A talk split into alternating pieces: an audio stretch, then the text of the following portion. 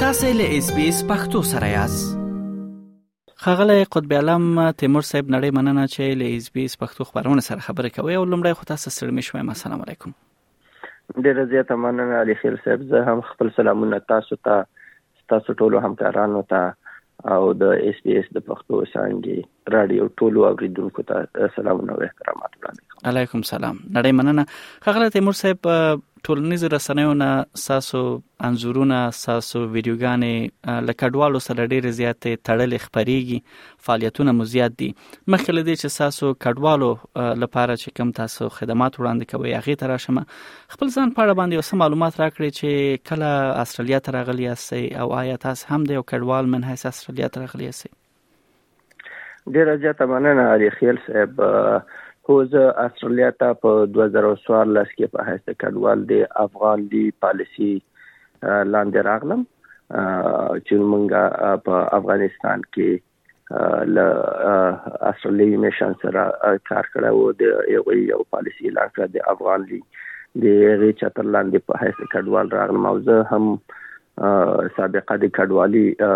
لرم په پاکستان کې سي پاکستان کې په یو کډوالي کورنۍ کې په حیث د کډوال پیدا شوی ولم یعنی زه دوه پیری کډوال شوی يم کډوال پیدا شوی يم او اوس په اصل کې زندگی کوم واقعا چې تاسو ورته قصې لډیرو سره داسې یعنی ورتواله لري چې استرالیا ته کډه شوې دي طبیعي ده چې داخلي جنگونه پاکستان یا ایران ته کډه کول او بیا دویم ځل استرالیا ته کډوالیدل تیمور صاحب محترم استرالیا ته تاسو راغلی را ورسېدلی میشتدنه مو څنګه وا ژوند مو څنګه پیل کړ او بل څه د دې باعث شول چې تاسو ورو ورو خپل د مسلک یا مسیر د کار د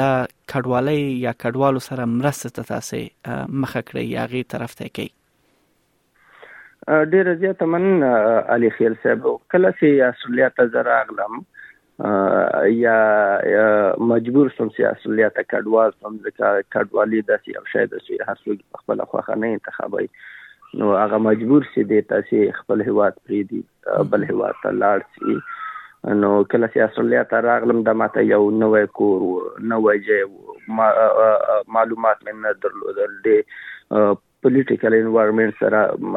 بلتیا مې نه لرله اقتصادي محیط سره بلتیا نه درلودله اجتماعي اړیکې مې دلته نه درلودلې همداسې نور د خپل زندگی مشکلاتو په حل کولو کې معلومات مې درلودل نو دلته مختلف سرویسز ول مختلف اورګنایزیشن ول یو غوي سره په تماس کې سولم یو غوي ماته معلومات راکړه او حمایه کړم د موقت وخت لپاره نو تر څو زه وکړای سم په خپل خپل باندې ودرېږم نو دغه تجربه په ما باندې تیر سوی و چې دلته کډوال نوی رئیس یوې څه مشکلاتو سره مخ کیږي چیش ته ضرورت لري کوم معلوماتو ته ضرورت لري سره رقم باید حمایه شي تر څو دلته په خپل په خو باندې ودرېږي او ټولنې ته بیرته یو څه شی ورکړي او تر څو هغه کوم هواد نه چې راغلي دی هغه هواد ښه نمائندګي وکړي په دغه دریم هواد کې نو هم دې علت وسې زه سختو نه تیر سلم په خپلو پښو ودرېدلم، بېرته همدغه سکټور د کډوالۍ په سکټور کې کار وکوم او دغه نوي سیسوګ دلته راځي یوې ته معلومات ورکول دي او یا هغه کسان چې دلته په غیر قانوني ډول راغلي یا د هوا له لارې راغلي یا په قانوني ډول هم راغلي د هوا له لارې راغلي په مختلفو ویزو راغلي خو دلته په داخل د استرالیا کې د کډوالۍ لپاره کیس واچي دوی څه قسم مشکلات سره تیریږي دوی سره همکاري او کوو موږ دلته واقعا تیمور صاحب تاسو خپل تجربه ډیره زیاته پزره پوره ده دا چې تاسو څنګه مشوي هغه خو بد تاسو ولیدل او بیرته پام دغه سکتور کې چې تاسو خپل وینا تاسو ورته مخه کړه او اوس هغه کسان سره تاسو مرسته کوي کوم چې اړتیا لري نو پرختیا هم چې ډیر ستر کار دی نو هغه لپاره تاسو له بریالیتوبونه غواړم تیمور صاحب محترم تاسو چې کوم ادارې سره کار کوي هغه د کډوالو د منابع او مرکز دی کوم چې ریفیوجی ریسورس سنټر په نامه یادېږي او په وکټوريا ایالت کې موقعیت لري او ډیر زیات یو مشهور اداره هم ده د څه منحیث تاسو هلته کار کوي او تاسو کاري برخه په کومو برخو کې تاسو کډوالو او یا پناه غوښتونکو سره مرسته کوي ډیره زیاته مننه علي خیل صاحب زه اصلا د اسایلم سیکر ریسورس سنټر لکه تاسو پښتو کې تجربه کړه دوی سره کار کوم د ملبن په ساوث ایست کې د ریفیوجی ریسورس هب مشري زما په غاړه ده او دغه ریفیوجی ریسورس هاب چې دا په حیث د یو چتر کار کوي چې د کې د اسالم سیکر ریسورس سنټر خپل مستقیم خدمات وړاندې کوي دغه هغه اشخاص ته چې دلته په استرالیا کې د پناه غوښتنې لپاره اپلیکیشنونه ورکړي دي یعنی انګلیسي زبه کې کوم اسالم سیکرز چې کوم دي یو ته مستقیم خدمات وړاندې کوو او په دغه حق کې نور سرویسز پرووایډرز نور ورګنایزیشنونه یا نور هغه ادارې چې د د کډوالو تر رهبرۍ لاندې مخې ته وړل کیږي هغه دلته د یو چتر لاندې راوړو تر څو کډوالو ته او هغه اسایلم سیکرانو ته چې دلته د کډوالۍ لپاره درخواستونه ورکړي دوی ټولو ته په شکل د وان سټاپ شاپ په شکل غوندې سي لکه یو سټور ته سي یو سو ګریسي هر قسم خدماتو ته سو ضرورت یې که هغه هیلت خدماتو ته ضرورت یې یعنی صحي خدماتو ته ضرورت یې کاری خدماتو ته ضرورت یې حقوقي خدماتو ته ضرورت یې که معلوماتو ته لاسرسي سی ته ضرورت دی په دغه یو چتر لاندې په دې یو سټاپ کې ورته دغه معلومات او دغه خدمات منګه وړاندې کوو نو د دغه ادارې رهبری د ما په غاړه ده واقعا چې ډیر یو ستر کار او دا باید ووایم چې ډیر یو ښه ابتکار او خنه وخت دا دی چې یو کډوال چې یو بلډینګ ته ننوځي لکه څنګه چې تاسو د یادونه وکړه یا یو دکان ته ننوځي او په دغه دکان کې هغه شان چې د اړتیا وي او وای خلی نو هغه سرګردانه نه چې د ترانسپورت یا د زبې یا د نورو مشکلاتو وي لاغوي نه دوی بشي نو ډیر زیات یعنی یو یو خنه وخت دی خغله تیمور صاحب د افغانستان د تیر حکومت رړنګېدو وروسته دا چې اوس ویل کېږي چې شاوخوا سوال زره افغانان استرالیا ته راوصل شوې دي تاسو په کار باندې تاثیر غورځولای دی څومره مصرف شوی یاستئ آیا تاسو په اسانۍ سوق موندلای شي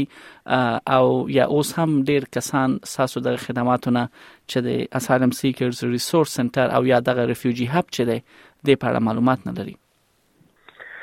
ډیره زیاته مننه علي خیل صاحب او کله چې کابل سقوط سه زمونږ اداره یا اسایلم سیکر ریسورس سنټر د افغانستان لیګل کلینیک هم جوړ ک یعنی د افغانستان لپاره یو حقوقي کلینیک جوړ ک افغانستان نه بکچا زنګ وه یا دلته افغان ټولنې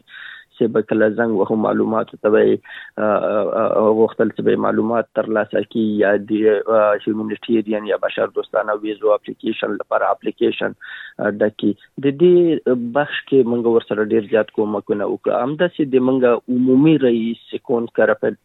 ټیډیس داسې هغه د مهاجرینو سره ډېره خواخوږي هم لري او په همدې بنسټ یې دغه اداره جوړه کړې وه نو هغه ډېره زیاته لابیګري او اډوکیسي وکړه تر څو افغانستان چې کله سقوط وکړ د افغانانو لپاره استرالیا حکومت باید کم تر کمه شل زره ویزا پلیسز اناونس کی د افغانستان اکشن په نامه یو بل عمومي کمپاین جوړ سره نو دغه کارونه وکړه خو موږ اداره ریفیوجی ریسورس هاب چې دلته د په ساوث ایست کې خصوصا مستقیما اسالم سیکرانو سره کار کوي خو په هاب کې دنه موږ نور اورګنایزیشن لکه مخکې سم یاد دواري وکړه لکه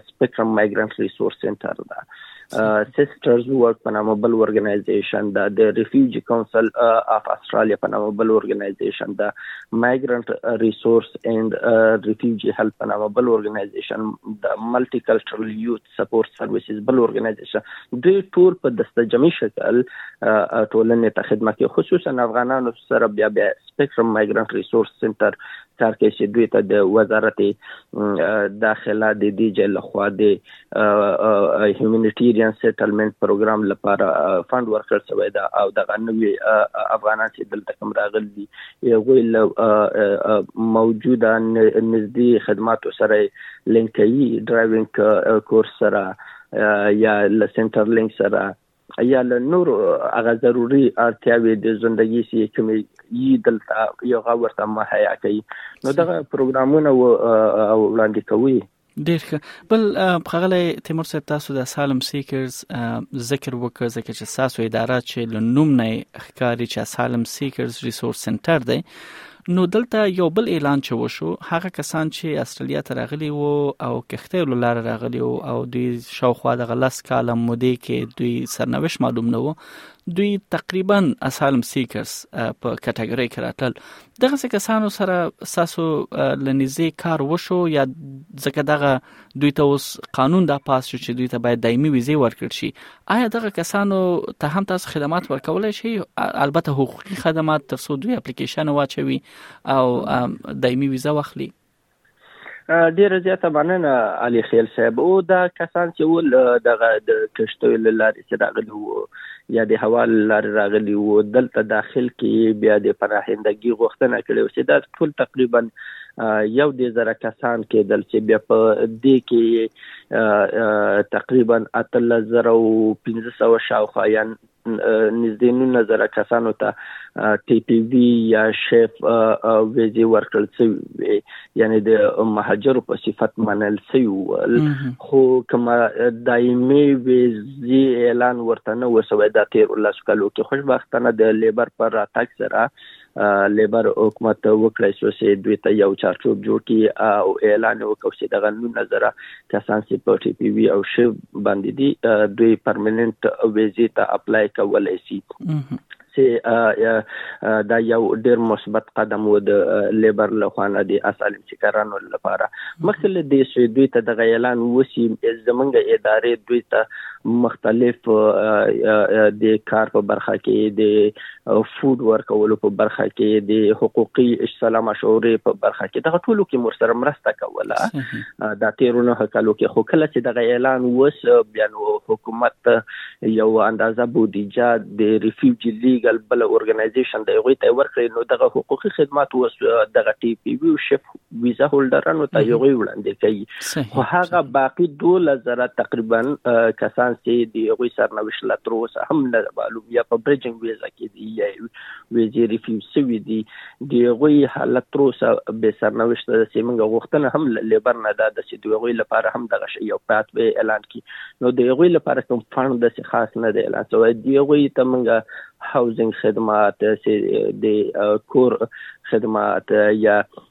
حقوقي خدمات چې دی هغه سره په ویزه اپلیکیشن کې یا ویزه سره